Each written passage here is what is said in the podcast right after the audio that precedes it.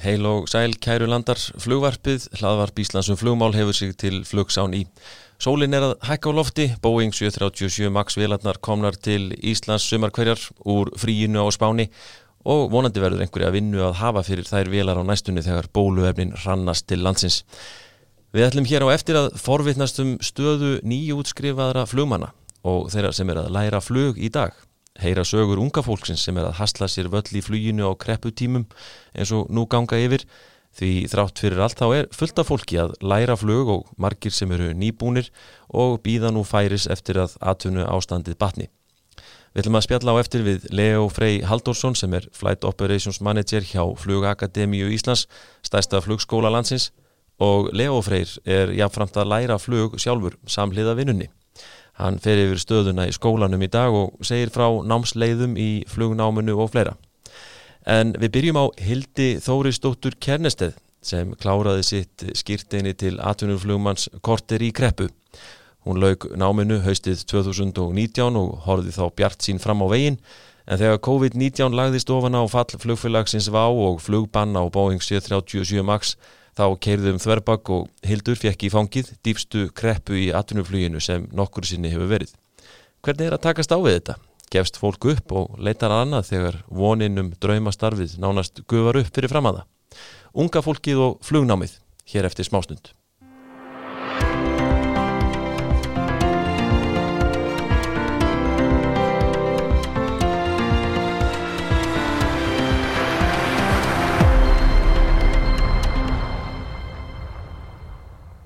Haustið 2019 var Hildur Kernesteð eins og týjir annara nefnda í flugnámi á Íslandi. Hún var þá farin að sjá fyrir endan á náminu til atvinnuflugmanns og sá fyrir sér að byrja að sækja um vinnu, hasla sér völl á krefjandi markaði og ná í reynslu. En það gekk ekki alveg eftir. Hildur Kernesteð flugmaður, verður velkomin í flugvarfið. Já, takk fyrir það. Takk fyrir að bjóða mér. Eh, svo við byrjum nú á því sko þegar þú ert að byrja þitt nám, atvinnuflugmanns nám Uh, hvernig var ástandið á markanum þá? Þetta leit bara nokkuð vel út, ekki satt? Jú, þetta leit afskaflega vel út. Já. Ég var að vinna hjá Vá á þessum tíma þegar, ég, þegar mér dætt í huga að fara í flugnum og þá var fólk að fá vinnu þar bara beint úr skólunum, beint úr flugnámi. Beint úr flugnáminu? Já. Já. Og þannig að það er kannski svolítið ástandið fyrir því að þú drýfur þið að stað? E, já, alveg klárlega. Það, það voru góðar atvinnuhorfur og já. og já, þetta leit út fyrir að vera eitthvað sem maður myndi fá vinnu við eftir námið. Já. En svo náttúrulega breytist þetta koma eins að því og eftir. En sko hvenar hvenar byrjar að læra og, og svona hvers vegna? Ég byrjaði að sagt í ágúst 2017 og þá var ég búin að vinna hjá Váer í eitt ár sem flugfræða byrjaði þar e, voru 2016 og sem sagt þegar maður byrjar að vinna sem flugfræða þá er fyrsta flugið þess að kalla famflug. Þá ertu bara auka manneski enn í kabinni og þú var leifið til þess að setja inn í kokpitinu með flugmannum í flugtæki lendingu -hmm. og mér fannst þetta bara alveg geggjað. Þetta var skemmtilegast sem ég hef gert. Já, ok. og þá, eftir þetta flug, þá fór ég bara strax heima að skoða flugnum. Já. Hvaða leiðir væri færar og, og hvernig þú ætlar að gera það? Já, akkurat. og hvaða leið velur þið síðan? Þú veist? Já, ég ákvaði að velja hérna, samtvinna atvinnuflugnum hjá okay. Keili. Mm -hmm. Og ég var búin að skoða eh, nokkra leiðir, eh, nokkra leiðir, það eru tværi bóði, módjólar og, og svo þetta samtvinna. Já og að ég hafði enga reynsla að flýja áður í rauninni nema sem flugfræða að þá fannst mér þetta að liggja beinast við vegna þess að þeir svona skólinn heldur svolítið á þeir í gegnum, gegnum námið. Okay. Þú uh, bara greiðir hérna, þrjár greiðslur Já. og svo mætur þú bara. Já, og þeir bara sjá um að skipulegja þetta svolítið fyrir þig. Já, þetta er svolítið matáðan í mann og hérna, þetta er vel skipulegt okay. og já, það hendaði mér bara mjög vel á þeim tíma að fara í gegnum þetta svona og það er þetta eins og segja þetta samtvinnað kallað. En, en hinleiðin væri svolítið að gera þetta svona á einn fórsendum og þegar þú hefur tíma að fljúa og svo framvegis eitthvað Já, akkurat, auðveldur að sennilega vinna með náminu og, Já, og gera aðra hluti, tegur mögulega eins lengri tíma. Já, og hérna eins og þú nefnir, það er ekki svona í kringum þig í fluginu sem að er að kera þig áfram, þetta er bara svona sjálfsbrottin áhug hjá þér Já, eins og við tölum um aðan, þá lágur þetta svo vel við á þessum tíma sem ég byrjaði, þá leytið allt svo vel út. En uh, nei, ég bara fekk þess að flugja í hausin því ég byrjaði að fljúa hjá Vá, meðan þetta allt svo aðeinslegt. Og hérna, svo komst ég að því bara setna, uh, þegar ég var byrjuð í náminu, að langaði minn sem var skipherri hjá gæslinni, að hann hefði mikinn áhuga á flugi Já, og okay. hann hérna uh, sagt, koma stopnun flugjæslunar og það var mjög gaman að heyra sögur frá honum eftir að ég byrjaði náminu en uh, sagt, þegar að fyrsta gæsluvílinn kom, Katalínan þá voru skipstjórar á uh, flugulunum í þann tíma. Okay. og í einu flugin hans á Katalíninu þá tóku þér bátfyrir ólögulega veiðar. Og sa, sagt, sagan segir, ég vona að þetta sé rétt, þetta er skemmtilega saga að hann hafi hótað að skjóta á þá og stakk kústskafti út um glukkan á, á flugbátum. Til þess að fá það til þess að hlýða. Já, akkurat já, já. menn dó, dó ekki dráðalessir hjá gæslunni? Nei, alls ekki. Þetta er sniðut og hvað, hérna, þetta þú nefndir þrjár greiðslur hvað var þetta að kosta flugnámið? Uh, í heldina var þetta um 62.000 eurur sem var bara ágætt á, á þessum tíma sem ég var að byrja ef hann var hagstæð. Já, þetta er fyrir þreymur árum síðan tæmlega eitthvað svo leiðis Já. En það er samt, já, svona umreiknaði dag kringum 10 miljónir eitthvað svo leiðis Já, það passar Það er, uh, er drjúu penningur, fegstu eitthvað námslán fyrir þessu eða hvernig virkaði það? Uh, ég sem sagt var orðin 26 ára því ég byrjaði náminu og var komið ágæti sparnað sem ég ætlaði nú að eða íbúð. Okay. en hérna ákvæðið í flugunum í staðin sem ég hefðist geggja hugmynd á þeim tíma. Og er enn í dag ah, flott. Mm -hmm. en hérna og ég bjóð svo vel að eiga góða fjölskyldi sem að stiðu mig þannig að ég slappið það til að taka námslán sem betur fyrr en það er það frekar erfitt fyrir flugunum að taka námslán það er ekki, lín lánar ekkert svakalega mikið Nei þá meira kannski fyrir svona þessum bóklega hluta eða hvað. Já, akkurat. Já, en náttúrulega peningarnir eru mest í verklega þættinu. Já. Já, eins og við þekkjum, það kostar að fljúa flugulum. Heldur betur. En hérna, svo klárar við námið þarna 2019 og, og þá eru horfurnar farnar að versnadaldið. Já, aðeins, en það voru samt, fólk var ennþá að fá vinnu á þessum tíma mm. og ég var mjög bjart sín. Eh, Kanski aðeins bjart sín heldur en ég hefði átt að vera, en já, maður verður að hafa eitthvað að stefna Já, já, setja sér eitthvað markmið og, og hérna náður þú svona að sækja eitthvað um vinnu sem flummaður? Eða? Já, ég sótti um nokkru vinnur og fekk afar fásver og þá kannski fekk maður smá svona skell hvernig horfiðnar væri í alvörni okay. en ég held að einhverjum 10-15 flugfélögum hafi fengið tvö svör Já, ok og hvernig á hvaða leið voru þau? Bara...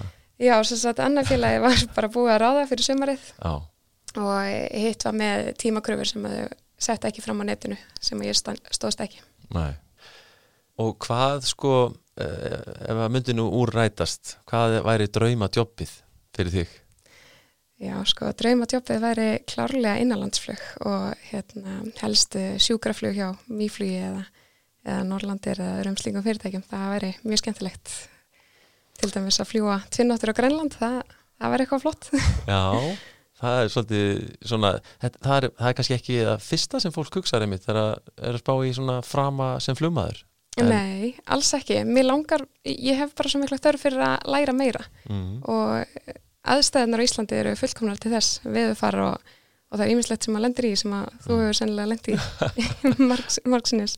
Kannski eitthvað smá, en já, ég skilði vel. Það eru, það eru margi sem að ég hef hitt gegnum tíðina sem hafa einmitt sko farið kannski beint í þótuflýð og oft á tíðum allavega að tala um svona með ákveðinu söknið að þeir hefðu nú verið til í að fá að byrja í svona já, fljúandi einhverjum, minni flugvelum eða í öðruvísi, öðruvísi starfsemi. Já, ég ætla hann að það svona í hyllingum að, að pröfa svona það sem við myndum kalla bushflying. Já, einmitt. Ég held að það getur verið mjög góð byrjun á, á ferlinum. Já, já, það er aldrei að vita. Um, En er þetta ekki svolítið erfið stað að halda sér á tánum, vera gýruð í að að svona halda áfram, missi ekki dampin í þessu ástandi? Jú, það getur verið mjög erfitt og það kom alveg svona hæður og læðir inn á milli eins og var voða dögulega að fljú í sumar og, og svo kemur smá læð eftir það og, en hérna ég er svo heppin að eiga svakalega goða vini í fluginu og hérna einn vinkonu mín er mitt flugkennari hjá Keili og ég tek hana, við, við fljúum oft saman, Já. það hjálpa mikið að hafa svona eitthvað sem er drífandi og heldur mann í þessu. Já, akkurat, getur svona kvart hvora aðra áfram Já, akkurat Já, geggjað eh, Er svona eh, fleira sem þú hefur gert þess að svona nýta þennan, hvað getur við sagt, döða tíma í, á síðasta, síðasta árið eða svo? Eh, já, ég er sem sagt hérna skráðið mig í flugklub Mósarsfær og það er virkilega góða flugklubur okay. og mjög vel tekið á mótum manni þar og ég var heppin að hérna kynast manni þar sem heitir Sigurðan Valsson og flög aðeins með honum og hann er líka hérna búin að fljúa með mér á, á fleiri fljúulum hann í Mós og þetta er flottu klúpur og skemmtilegu félagskapur og ég mæli með fyrir alla sem eru nýjútskrifaður að skrá sér í klúp og halda áfram að fljúa, ekki hætta. Já, einmitt, gott ráð. Ég er nú sjálfur í einmitt í flugklúpnum þitt, við erum aðeins hérna í Mosó sko, Já. en ég var einmitt að hugsa þegar við vorum að tala saman hérna fyrir þáttinn sko að ég man ekkit eftir að hafa séð margar stelpur svona á vappið þarna. Nei, við erum ekki margar, því miður. Ég held við séum bara fjórar sem erum aktíft að fljúa í flugklúpnum Mosó. Já, já, ok. Já. En vonandi verður við fleiri, ég er svona alltaf að tjekka hvort það vil ekki fleiri koma. Öðvita. Ég, mæli líka með því við fólk sem að skráður sér í flugklúpa eh, vegna þess að það er dýrt að fljúa, við veitum það öll að það er opfoslega sniðugt að plata vinu á vandamenn með í flug og fá þau til þess að deila eldsneiðiskostnaði með manni. Ég hef persónulega reynslað þessu sko. Þetta er mjög sniðut sko, maður fær einhverja með sér. Einmitt, og líka bara skemmtilegt, og skemmtilegt að, að kynna aðra fyrir flýi. Já. Svo er ég líka virkilega heppin að eiga fjölskyldur sem stiður mig Já. og hérna, ég er með nokkru svona klappstýrur eins og stjúpappa minn, Já. en hann var að fljúa sem sagt svöfdregum þegar hann var yngri. Já. Þannig að hann er alveg með endalösa spurningar fyrir mig varandi flug sem heldur maður alveg á tánum og, og hérna gaman að hafa hann í þessu Og ertu að taka hann með í flugstundum? Já, ég hef nú bara bóður um einu snið með, ég þurfti að fara að taka hann með oftar. Já, akkurat. Þetta er skemmtilegt um að gera að halda sér svona við. Og hérna, þú nefndir vinkonuðina sem er, í, er flugkennari, er það eitthvað svona sem að uh, heillar?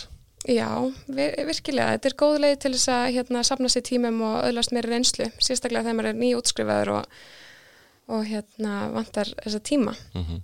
uh, og ég sér að fór í, í gerfugl í vorr og er búið með bóklega hlutan fyrir flugkennaran og er ennþá að klára tímana. Já, örfa á tíma eftir, þannig að nú það var að spýti lóan og, klára þetta. Já, klæsilegt. Hvað er flugkennaran námið margir tímar í viðbútt? Þetta eru um það byrjum 30 flugtímar. Já, Já. ásamt bóklega námið líka. Já. Og eru fleiri svona í kringu þig sem eru á þessum slóðum eins og þú, sem að voru með þér í náminu? Uh, já, það eru einhverjir sem eru nú þegar orðnir flugkennar og farnir að vinna sem er mjög flott. Og það voru fleiri sem voru með mér í náminu sem voru líka með mér í námskeiðinu þannig að það er mjög gaman. Ok. En svona þetta fólk í kringu þig, þínir samnefnendur er fólk að gefa svona þennan draum upp á bátinn með að fá vinnu? Já, einhverjir, því miður. Já. og ég skilða alveg, þetta er hark. Já, og eftir sem að tímin er lengri sjálfs að þá er þetta kannski alltaf fleiri og fleiri sem kvarnast úr Já, ég hugsa það. Já. Hérna eitt varandi námið sem er dettur í hug getur þú svona útlistað fyrir svona það þeim sem að hafa áhuga á að vita sko hvernig veist, í þessu samtvinnaða námi e, þá er þetta, þá er þetta sett upp í ákveðna svona fasa ekki satt? Hversu mikið er sko hérna bóklega versus verklega og svona og, og hver er svona cirka tímaramin í þessu? Getur þú eitthvað farið yfir það? Já, þetta er sett upp sem 18 til 20 mánuður Já. sem er raunhæft í góðu veðir einhverstaðar í Suður-Európu, myndi ég segja Já, það er frikar erfitt á Íslandi Já. ég kláraði sjálf á sléttum tveimur árum sem er algjörlega raunhæft á Íslandi ef maður er ekki að vinna með námi uh, ég ákvað bara að vera í skólanum og bara sinna því mm -hmm.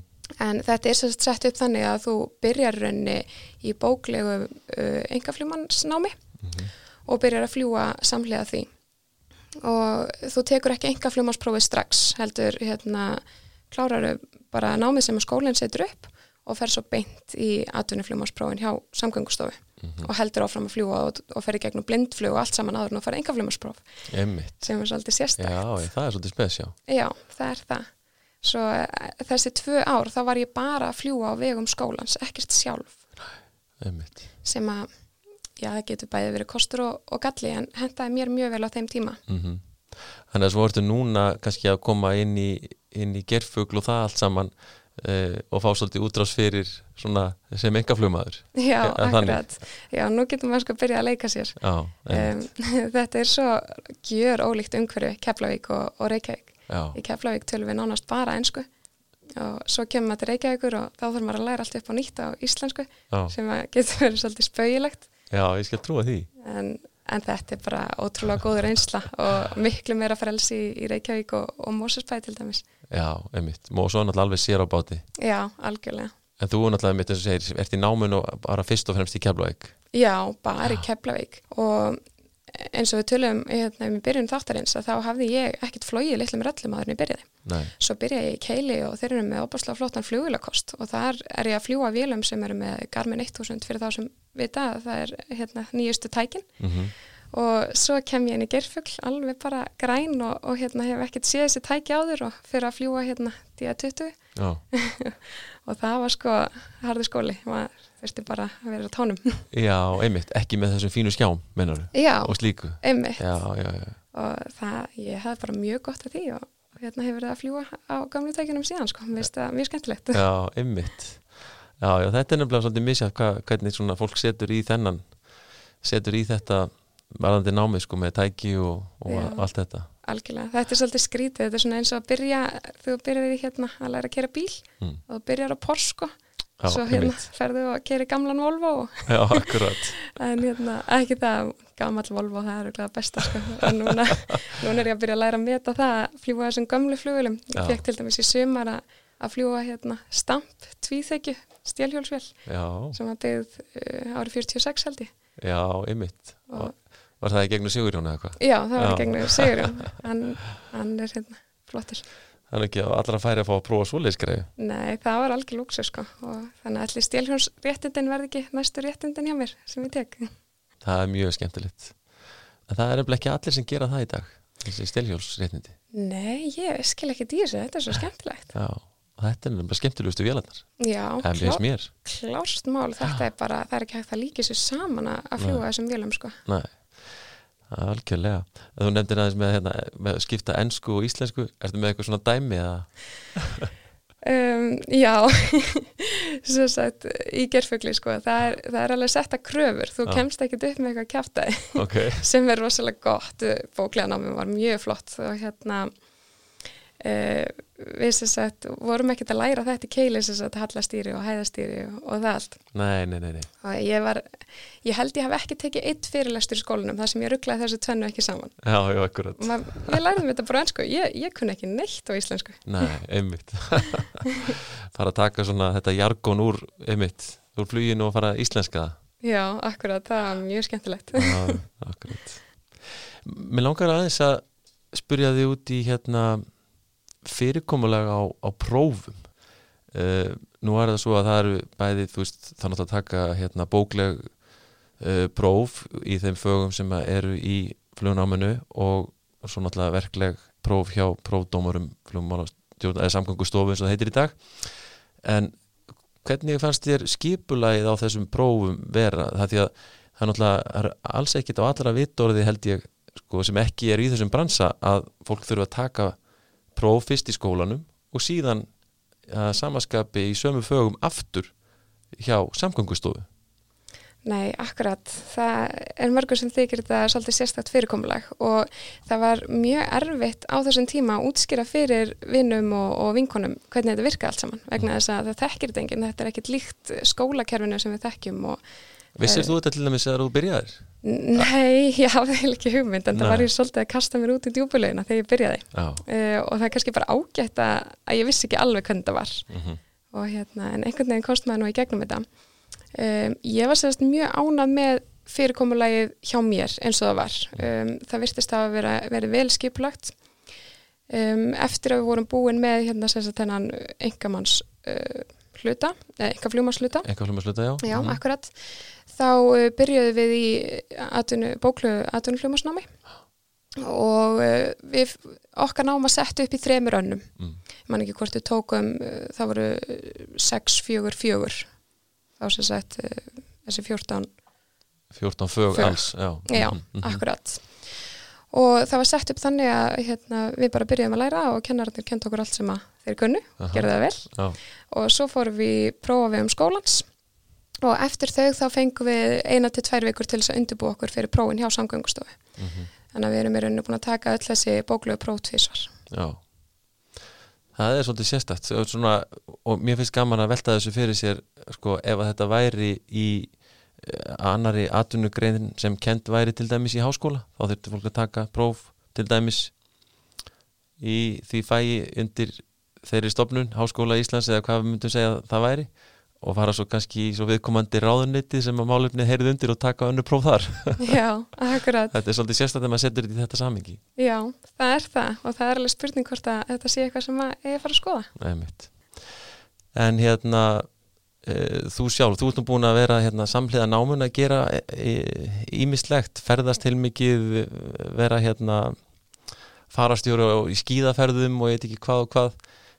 Ertu mikið svona flakkar í þér? Já, ég er það. okay. Mér finnst mjög gaman að ferðast.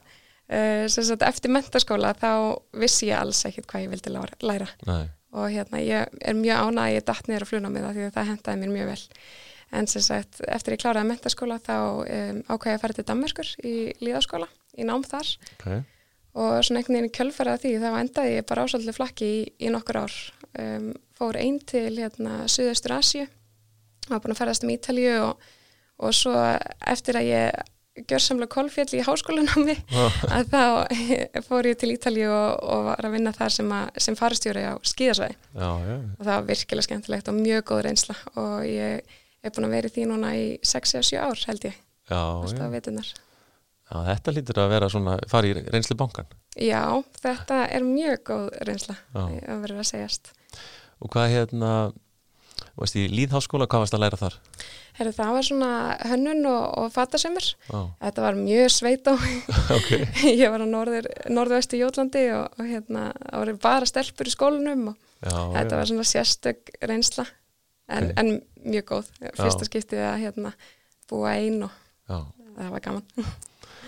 En hérna, hvernig sér þú svona fyrir þér næstu misseri eh, með sjálfa þig? Um, Þú ætlar, mér, mér heyrist þannig á því, þú ætlar ekki að gefast upp á það sjálfur? Nei, alls ekki. Ég, hérna, ég hef mikinn drivkraft, verði að segja, og líka svo fyndið vegna þess að ég byrja í flýjunu með í raunni yngar einslu. Ég hafi farið tviðsásunum að fljúa lítillir allir, mm. en svo ógs áhugin, bara ógs og ógs í náminu og þetta er svo ótrúlega skemmtilegt og ég sé einhvern veginn ekki fyrir mér uh, starfsframa innan öðru heldur en flýji og ég vona að gangi eftir. Já. En ertu, ertu búin að setja þér einhver svona markmið þá núna, þú veist, svona, eða stefnuna á einhverja punta? Já, ég er búin að því. Sess að eftir, þegar ég kláraði skólan, þá var ég, hvað, 28, verða 29 ára hmm. og þá var markmiðið að vera komið með flugmastar fyrir þrítökt. Ok. En nú er ég að verða þrítu í apríl. Já og ég hugsaði, ah, já, ég verð kannski að setja mér nýtt markmið. Já, já, en um, ég er því opfáslega glöð ef ég væri komið með hérna vinnu sem flugkennar í, í sömar já. og svo er ég að sjá fyrir mér að ég verði orðin sagt flugmaður innan 2-3 ára, vonandi. Já. þannig að núna er ég búin að kasta þessu út í kosmosið og, og hérna, þannig að þetta tekur einhver við þessu. Algjörlega, vonaði besta. En hvernig er þetta að nýta núna hérna Uh, tíman svona ertu með einhverja vinnu í dag? Sem maður spyrir nú bara svona reynd út. Já því það er nú ekki sjálfgefið í dag. Nei, alls ekki. 2020 var mjög dramatíst ég sem sagt var að vinna út á Ítali og skíðasæðinu í janúar og, og februar já, já, já. og svo því ég kem heim í mars að þá er ég atvinnulegs og, og allir aðrir að missa vinnuna bara í venjulegum tjópum líka. Svo það leiti ekki vel út. Nei. þannig að ég var atvinnulegs í sumar nöyta vísu góðs af og ferðaðist mikið um landi en svo verður svo heppin að fá vinnu í haust hjá byggingafyrirtæki. Mm -hmm. og er búin að vera að vinna þar síðan og sé fyrir mér að vera þar áfram. Já, glæsilegt. Þannig að þú vilt ekki að fara neina svona hefbundanleiðir, heyrist mér? Nei, alls ekki. Það er ekki svona hefbundin eh, eh, hérna, hva, sérstaklega ekki til dæmis eitthvað svona kvennastörf sem þú ert að tala um? Nei, ég Ertu, ég... ertu eina á, á byggingasæðinu þannig að það er ein önnu kona. Já, já, ok. já, mér finnst þetta mjög skemmtilegt. Já, og hvaða störf er þetta? Gangi í öll störf hann eða? Já, ég byrjaði bara kústunum eins og allir aðrir og hérna var það í nokkra vikur og, og núna er ég komið aðeins mér ábyrð þeir sendu mig á hérna liftara og, og krananámskeið. Já, Þannig að ég er svona svolítið að vinni því þessa dagana. Þú ert þannig að stjórna alls konar tækjum og tólum? Já, ég, hérna, við grínum svolítið með þetta heima, ég er orðin kallið hérna, réttind á drottningin, þannig að ég er með réttind á allt en engin háskóla próf. Já, akkurat. Ja, en taland um það einmitt, sko, þá kemur inn á svolítið skemmtilega punkt hérna svo við dettum aftur inn í flugið, að, að það er þetta með þetta blessaða flugnáma, það er svo sérhæft. Þú vinnur að þessum markmiði og, og þetta er heilmikið bóklegt nám og verklegt að sjálfsögðu og þú fær þitt atvinnulema skirtinni sem að gildir að mista kosti á erfoska efnagasvæðinu og, og slikt en, en þetta er mjög svona já, sérstakt að þýleitun að þetta hefur engi, ekkert svona gildi inn í mentakerfin eitthvað meginn, þannig að eins og maður þekkir til dæmis, ég þekkir til á Norðurlöndunum með það, heinu Norðurlöndunum með að þar getur kannski bætt við einhverjum kursum í hérna háskóla og, og færð þá til dæmis einhverja, einhverja BS gráðu eða eitthvað slíkt sem þú getur síðan byggt mögulega ofan á eða? Já, mér þætti það mjög sniðugt. Ég, það er eitthvað sem ég hef verið til í og sérstaklega vera orðin þetta gömul að byrja í náminu og núna er ég með mjög sérhæðan mentun sem ég get ekki nýtt mér. Nei. Og ég hef alveg verið til í að halda aðeins áfram í námi til þess að koma út á náminu með háskólagraðu. Einmitt. Það hefði verið mjög gott og, og vonandi grýpur einhver þess að flugu hjá okkur og fyrir stað með verkefni á Íslandi í þessu. Akkurat.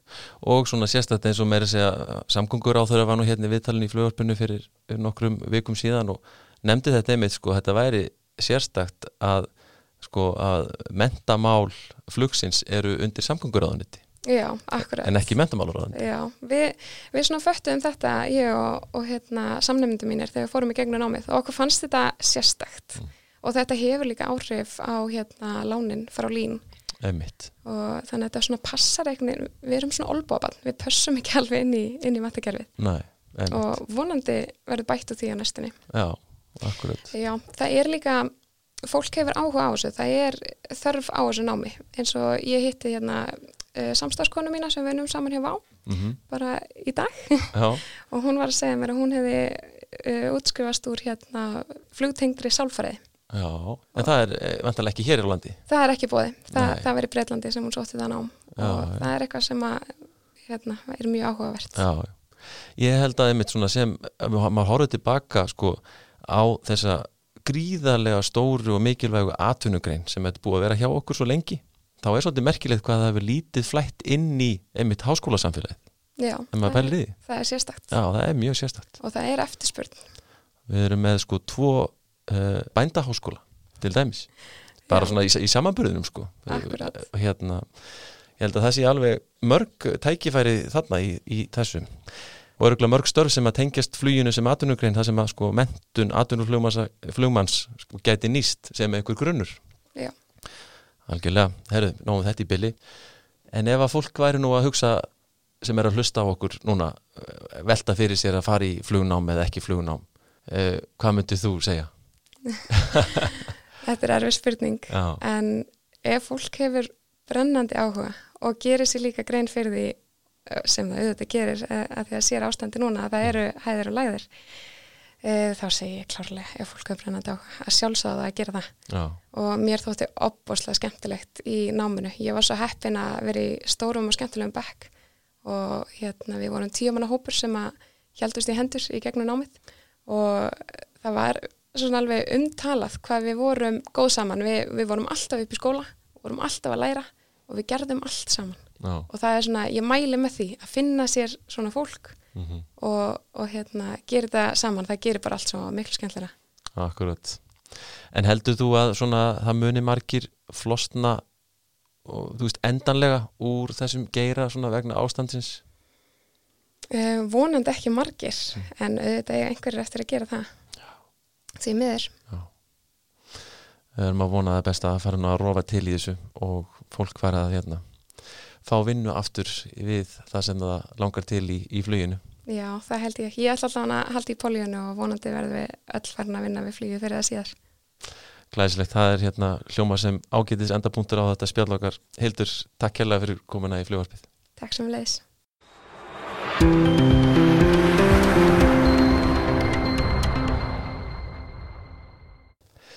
Leo Freyr Haldósson er Flight Operations Manager hjá Flugakademíu Íslands sem er langstæsti flugskóli landsins og þóttu við að vera leitað og hann er líka sjálfur í flugnámi samhliða starfinu og hann er hingað komin. Velkomin Leo. Takk fyrir það Jói. Hvað eru margir að læra að verða atvinnumflugmenn í dag í skólan?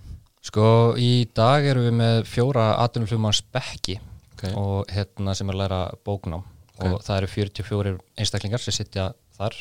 Við erum síðan með uh, einn PPL-bekk og svo eru sjö sem að setja kennaranám hjá okkur bóklegt okay. og verklegt.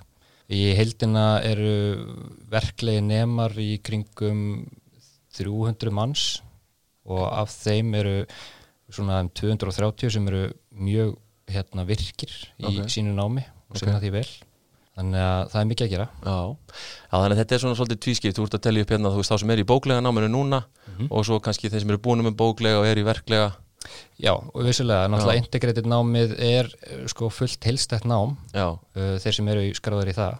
Og, og þannig að því er uppstilt þannig að bóknám og verklegt er samhliða. Já, fylgist alveg að. Já, já. Og hvor, sko, einmitt, það eru þessar tvær leiðir að fara þetta samtvinnað, integrated mm -hmm. eða það sem kallaði modular mm -hmm. eh, sem er áfangaskipt, ekki satt? Já, áfangaskipt Og hvað, hérna, hvort er nú vinsæli leið í dag? Sko, samtvinnaða námið er vinsætla í dag. Eða það eru er, er flestir sem eru skráðir í það hjá okkur í dag. Okay. um, og það er náttúrulega í grunninn kannski mjög svipað og áfangaskipta námið. Uh, bóklegu hlutarnir sjálfur sem er þá PPL, engaflumars bóklegu hluti sem er þá í áfangaskiptu bara sér námskið og það, það er kallað basic integrated, það er og veru bara eins þannig að modular og integrated nefndur geta setið sama námskið, bóknámskið Já, og, og sama gildur um ATPL námið, bóklega. Eh, það sem að breytist kannski á milli þessara tveggja námslega er í raun og veru bara þá verklega hlutin það sem að sko áfangaskipta námið er, er bara þú ert að taka stök námskeið í gegnum allt námið mm -hmm. og þú stýrir svolítið þinni ferð meira. Uh, og uh, að loknum enga flugmanni til dæmis þegar þú ert komið skiptin í hendurnar þá þarf það að fara í tímasöfnin og það er ímist misjátt hvert að fólk er að gera það hér heima, skráða sér í flugklúpi eða, eða fyrir út, út og, og, hérna, og fyrir þessa tímasöfnin þar Já.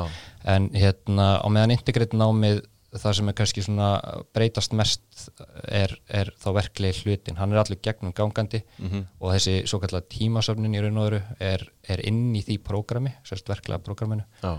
Og þar leðandi e, ertu ekki að fara eitthvað annað í tímasöfnin, þannig að þú ert að byrja bara frá byrjun og endar sem atuniflugmaður Ok.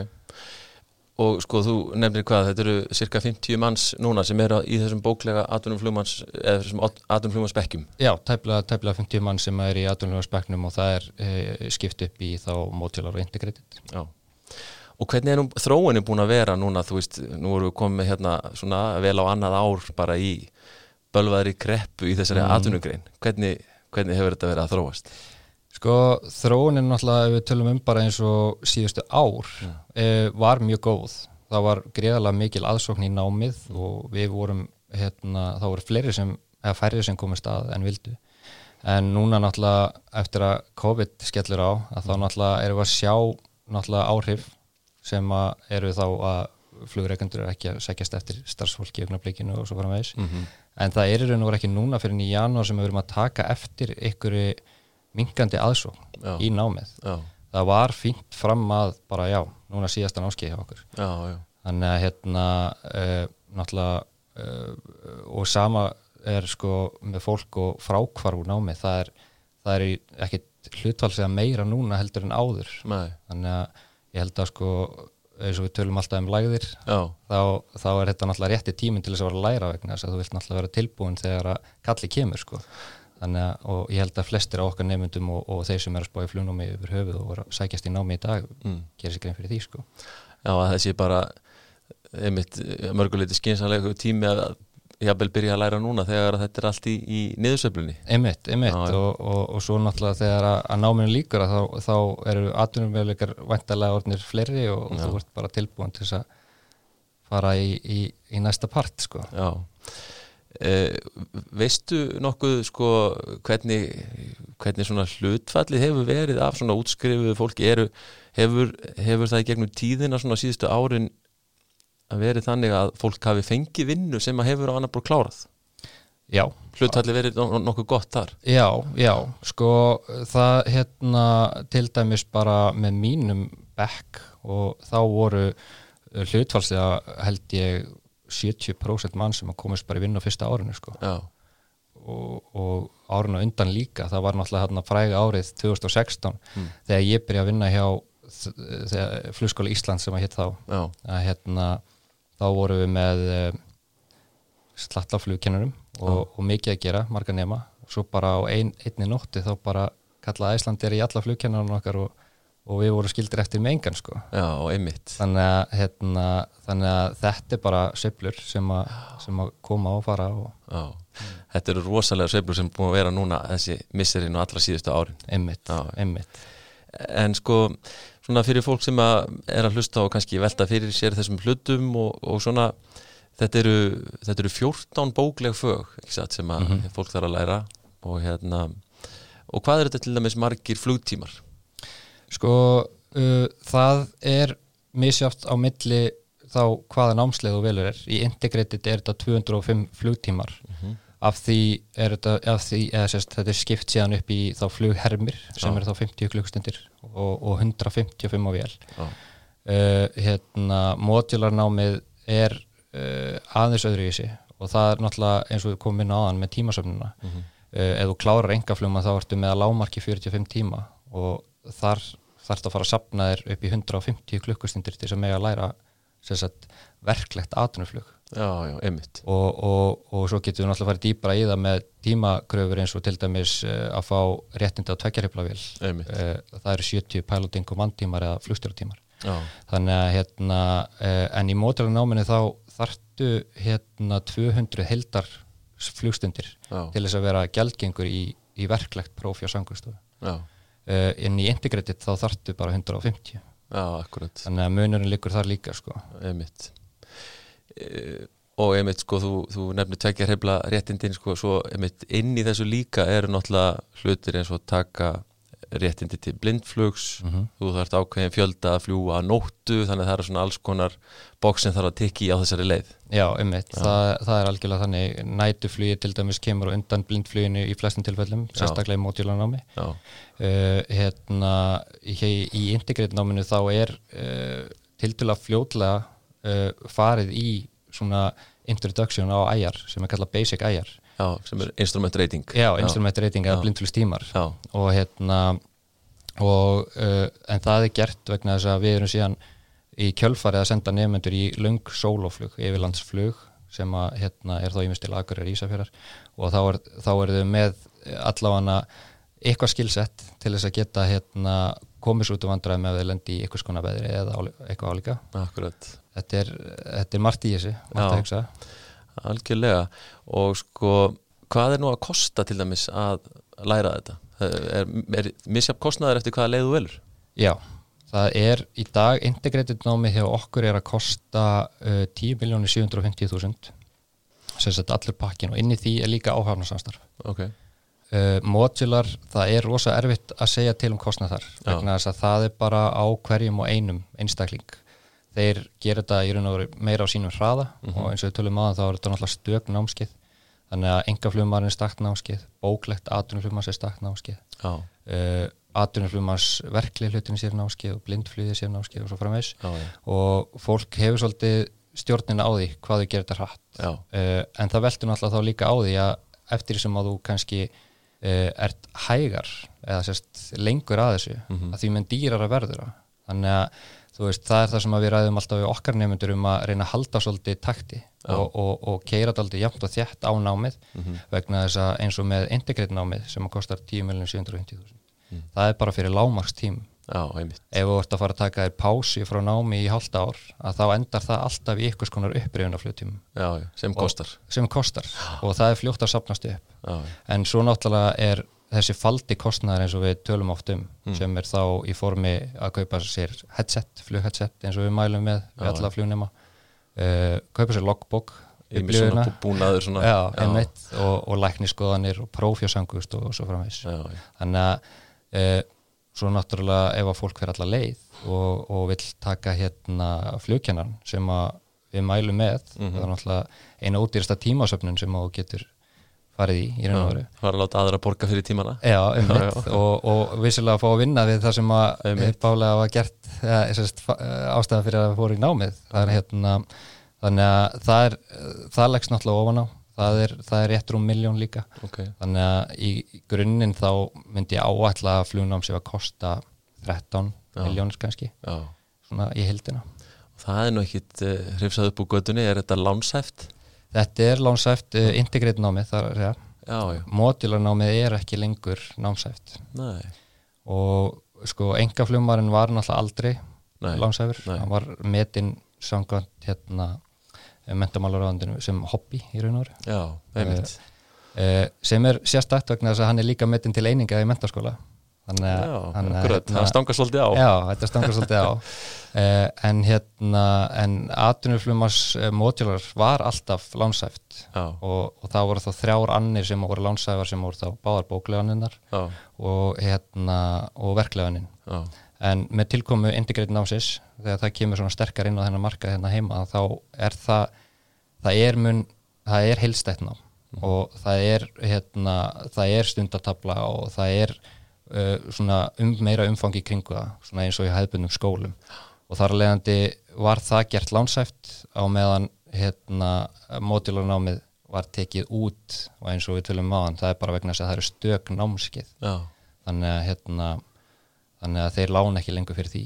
Nei, það er svolítið sérstatt samt en ok, já. Já, já, það er alltaf einhverja reglur í kringum þessa hluti. En, en hvað til dæmis svona í samabörðunum sko, segjum þetta 12-13 miljónir allavega mm -hmm. sko e, hversu stór hluti væri að því lánshæfur, það er væntalega ekki fyrir öllum kostnæðin Uh, sko nei, nei, það er náttúrulega ákveðið þakk hjá hérna lánastofnun hérna íslenskar násmanna Já.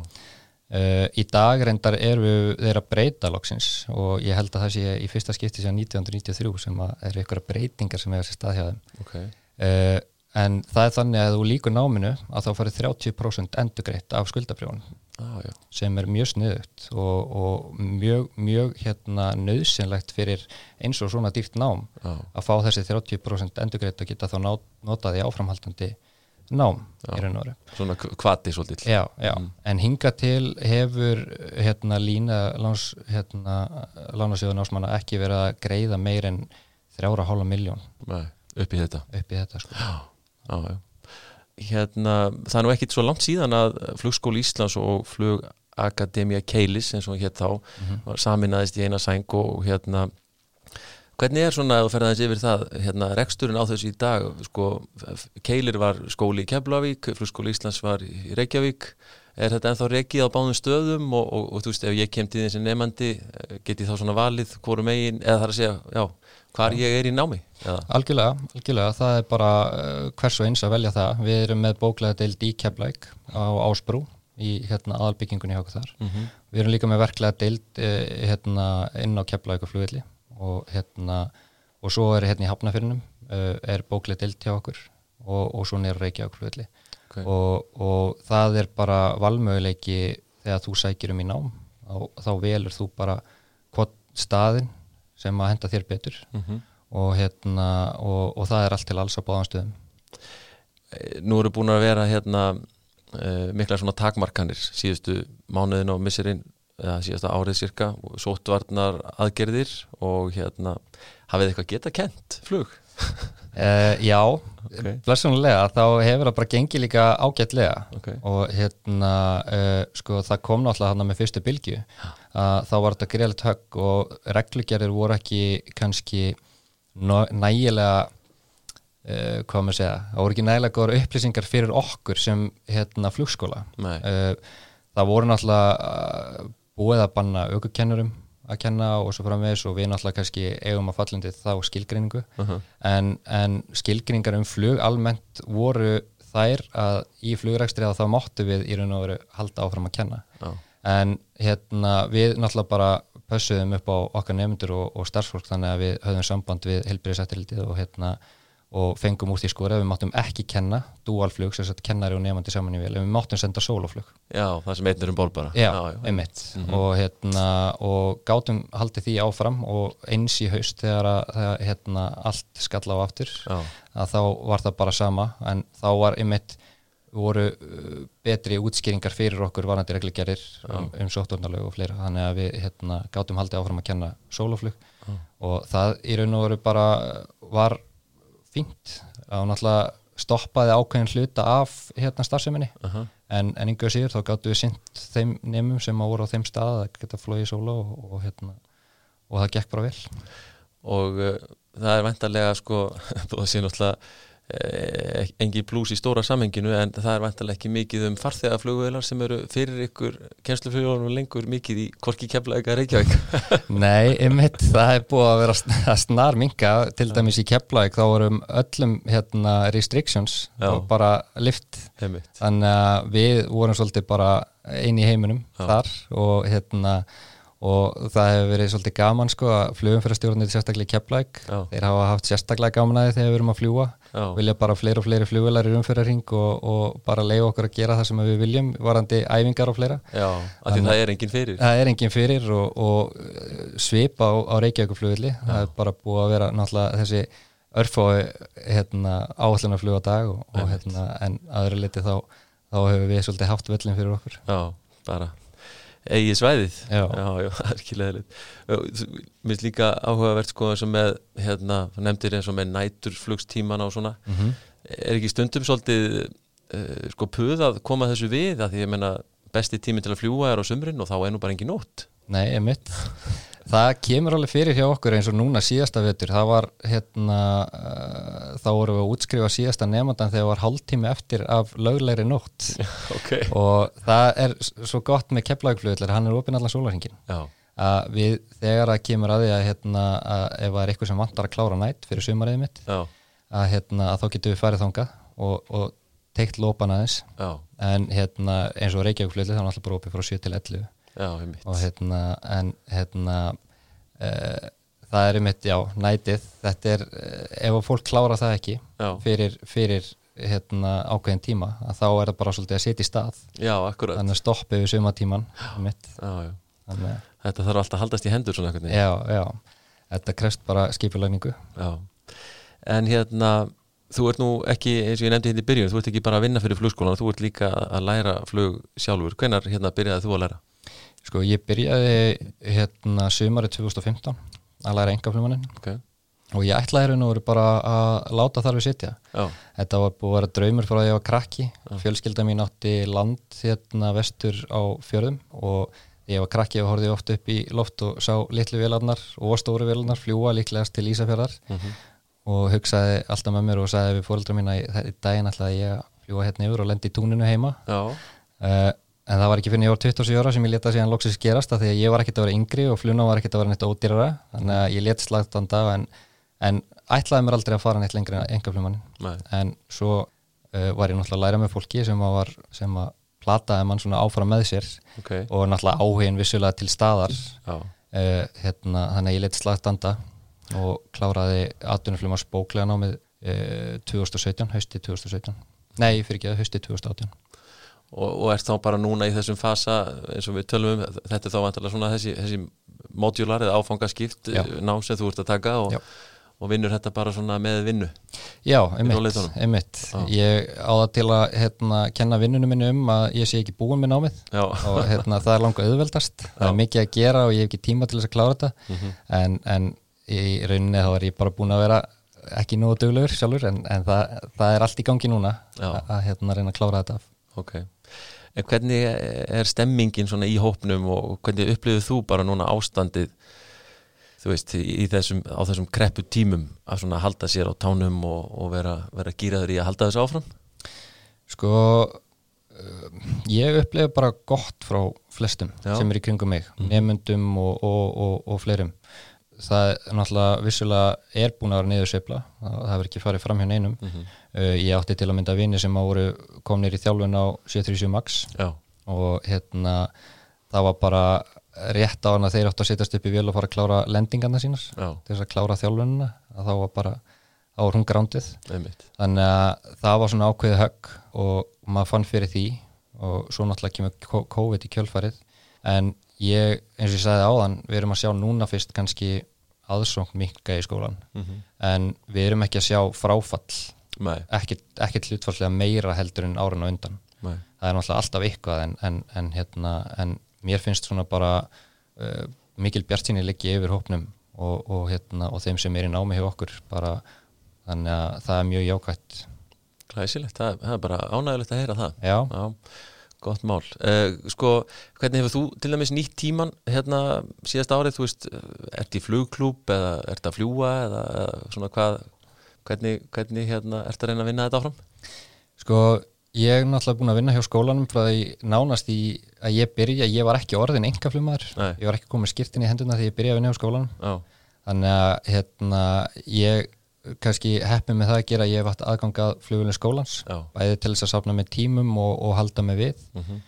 Og hérna svo líka á ég góðan vinn sem að hérna er flugverki og hann á flugvel og hann hefur lift mér að, að því að hann flýgur lítið sjálfur Já. að reyfa hana fyrir sig öðru hverju okay. þannig að hérna mjög aðmjöldið á hann Já, þannig að ég hef verið heppið með það Já Þannig að hérna, þú ert ekki, ekki, þú ert ekki að skinja það að það sé eitthvað margir allavega í þessu námi í dag sem er eitthvað svona að fara að gefa þetta upp á bátina því að ástandið er slæmt akkurat núna. Nei, Nei. ég bara finn enga veginn fyrir Nei. því sko Nei. og ég held sko meira bara eftir því sem að eins og við tölum um þessi lægð, að læra í lægð og, og vera tilbúin þegar að því kemur og, og nú er ég að sjá mun fleiri skrási í, í flugkennan. Það er nú kannski ekki endilega miklir vinnumöguleikar þar heldur vegna þess að það er mikið af mönnum í uppsökn hjá flugfélögum mm. og, hérna, og hafa komið og tekið í kjensluna þá á meðan og hérna, þannig, að, þannig að það er ekki miklu möguleikar þar en, en trátt fyrir það eru margir að læra flugkennaran vegna þess að einmitt ef að til þess kemur að segjum bara að Æsland er ofni fyrir umsóknir og mm -hmm. það er uh, hér síðast þegar það, það var þá var engin tímakrafa þurftur að vera bara með gilt engaflum eða aðtunum sem var skýrtinni og, og það var gott Já. en segjum sem svo að þeir ofni fyrir umsóknir og það er komin tímakrafa núna 300 eða 500 tímar Já. að þá er náttúrulega gífilega gott að vera með flugkennaran hérna, í, í skýrtinu sínu. Já. að því að það alveg eins og það byrtir alltaf til og flugfélag fara að sækjast þetta flugmönnum aftur og, og þá opnast líka möguleikar á, á fyrir flugkennara að komast inn í vinnu hjá flugskólum og, og geta að sapna sér tímum á þann háttinn og fleira. Þannig að, þannig að þetta er bara mjög jákvæð þróun þannig eða svona jákvæmt allavega andrúsloft í kringum okkur. Akkurat, og eins og séu leið þetta fyrir að stað þá getur þetta haft svona þennan domino-effekt Emmitt, emmitt, þetta vinnur allt saman sko. Ég man líka alveg eftir því sjálfur þó að þessu nú many many moons ago sem maður segir, sem maður lærði sjálfur til flugkennara að þetta er, þetta er bara mjög gott líka upp á að halda sér við og, og bara læra efnið betur að því að þú kannski lærir það fyrst almeinlega þegar þú þarfst að fara að kenna öðrum sko. Algjörlega. Það er ég við mörgunus við eh, líka sko. Algjörlega, ég menna þú ert náttúrulega meira kannski að setja um borði flugvel og fylgjast með því sem aðra er að gera mm. sem er vissulega partur af því þegar þú ert þegar þú fer síðan að fljúa fyrir flugfélag. Mm. Þú ert að observa eða þannig meira kannski það sem er í gangi fyrir framæði og, og flugfélag hafa verið svona gjörna á að ráða inn flugkennara út frá því að þeir eru með þessa reynslu að vera kannski meira að uh, krosstjekka og, og fleira mm -hmm. fylgjast með því sem er í gangi í kringu og frekar hann að fljúa sjálfur kannski Já, þeir eru með meiri reynsli því Já. og hérna þú sjálfur, ætlar að halda ótröður áfram ertu búin að setja þig markmið eitthvað svona hvernig er á að klára? Ég stefni á að klára hérna vonandi bara í lok þessa ásega að byrja næsta Já. og hérna uh, og það er bara plan sem ég er að setja saman og alltaf fara að keira á fullt núna okay. og hérna maður er með svona klappstýrur, það eru starfsfélagar og vinnir og, og fjölskylda sem eru hérna svona aðeins að sparkira sem ná manni haldur en að láta mann halda sér vefnið Flott. sem er mjög nöðsilegt af því að þetta er náttúrulega ekkit auðvelt það er komið langt síðan að ég tók bóknámið Já. og hérna það er, maður þarf svolítið að lesa sér til aftur og, og reyna að keira sér áfram Já. halda svolítið metnanum á floti þannig að vonandi gengur það bara vel Já, já, nákvæmlega Og hérna, hvað ertu komið með flugtími núna? Ég er held ég í tæpun 200 okay. síðast ég ekki á því Og svona, sko, hann er oft gaman að spurja hérna, ég er búin að fá marga hér, sko, alveg þull reynda flugstjóra og, og, og, og flugmenn, flugfólk hér og segja mér alls konar sögur en það er nú oft, sko, á þessum upphása árum sem að ymsir hlut, skemmtilegi hlutir gerast líka mm -hmm. og hérna og ofta einhverju hluti sem menn læra daldið vel af bara. Ertu, ertu með eitthvað svolítið í farteskinu sem að þú getur hefðið upp sem að er skemmtilega sögu? Já, sko það er náttúrulega bara fyrir að fyrsta eh, bara þessi tengingu í flýið að sko að koma inn í þennan hóp af kannski eh, hvað maður segja, þetta er náttúrulega ekki stór hópur þannig sem Íslandi er lítið samfélag mm. kynast í og fá að kynast frelsinu líka bara að vera sagt, að fljúa, mm. skreppa til lagurir í pulsu og, og ég man eftir í bara það var eitt af fyrsta sem ég gerði, það var bara að ringja í vinnminn og, og bara fara beinti Vesmani og, og lenda þar og, fara að fá sér burger sko og, hérna, og allt sem því tengist sko. þannig að ég tala nú ekki um bara flugháttíðarnar og græsrótina og allt það sem er í gangi í kringum okkur hérna bara á Íslandi mm -hmm. er bara mjög gaman. Sko einhverja einstakar sögu uh, það er svona, það er svo margt sem að dettum hann í hug sko. En uh, það er ekkert svona kannski eitt sérstakt þannig. Nei, nei, nei. Einmitt, en þetta er alveg rétt sem þú segir þetta er uh, stór partur af því heldur sem fólku upplifið þegar það fer að fljúa það er þetta, þetta frelsi. Já, algjörlega að hérna, geta, geta farið og séð hluti sem að alla jafna er ekki sínilegir kannski Einmitt, ég hef flóið til dæmis bara mikið með eins og túrista og, og það er alltaf gaman að sjá þeirra upplifun úr lofti mm -hmm. sagt, um Íslanda því að landi það breytist bara á kortesfresti eftir því sem hún flýgur yfir það Já. og hérna þannig að þetta er bara eiginlega yngulíkt að fá þú veist þessi forréttindi í raun og veru að geta gert þetta mm -hmm. Ef einhver hatt út er að hlusta á okkur og velta fyrir, þessu, velta fyrir sér að ætti ég nú að skella mér í þetta flugnám eða ekki mm. hvað segir við það fólk? Sko ég myndi segja að ef að það blundar í ykkur áhugi mm. fyrir flugi að hafa sambandið okkur bara nýri skóla mm. og hérna koma í kynnisflug til okkar og það er flug sem er í raun og veru bara uppsett eins og venlu kjænslutími þannig að uh, þeir aðalega sem koma og, og pröfa að fá að kynnast því bara hvernig er að fá að stýra flugvel verum borð og hvernig svona hefðbundin kjænslutími fyrir fram. Mm -hmm.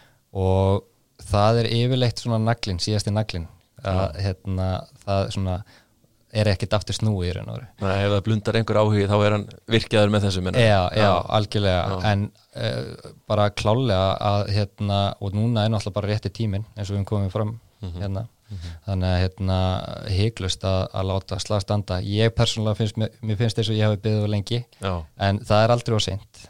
Það er bara, ég satt aðtunuflumann snáskiði með, með manni sem er 52 ára gammal og þess að þrem þannig að hérna, það er aldrei á sent að byrja og bara ef það er ykkur áhugið til staðar heyrið í okkur eða, eða hérna, ef það vantar ykkur upplýsingar eða, eða, hérna, eða kikið inn á heimasíðinu hjá skólanum Akkurat, það held ég svona í lokinlegu hvað er hérna, hvað er svo drauma starfið?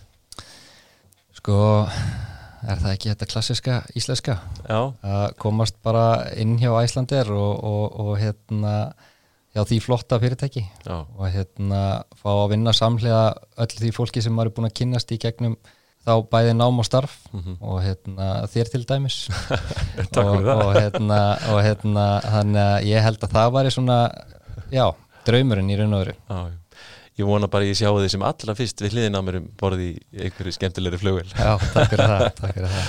Heru, Þetta er ágætt endað þetta þessum nótum og skandi bara þessi draumur rætist fólk hérna sem hefur áhuga á flugi, láti ekki COVID-19 eða aðra niðurdreppandi hanfarir stoppa sig að láta draumi rætast. Takk fyrir komanarlega og gangi ég vel í flugnáminu. Takk fyrir mig. Og uh, þar með er flugvarpinu lokið að sinni. Takk fyrir að hlusta og góða stundir.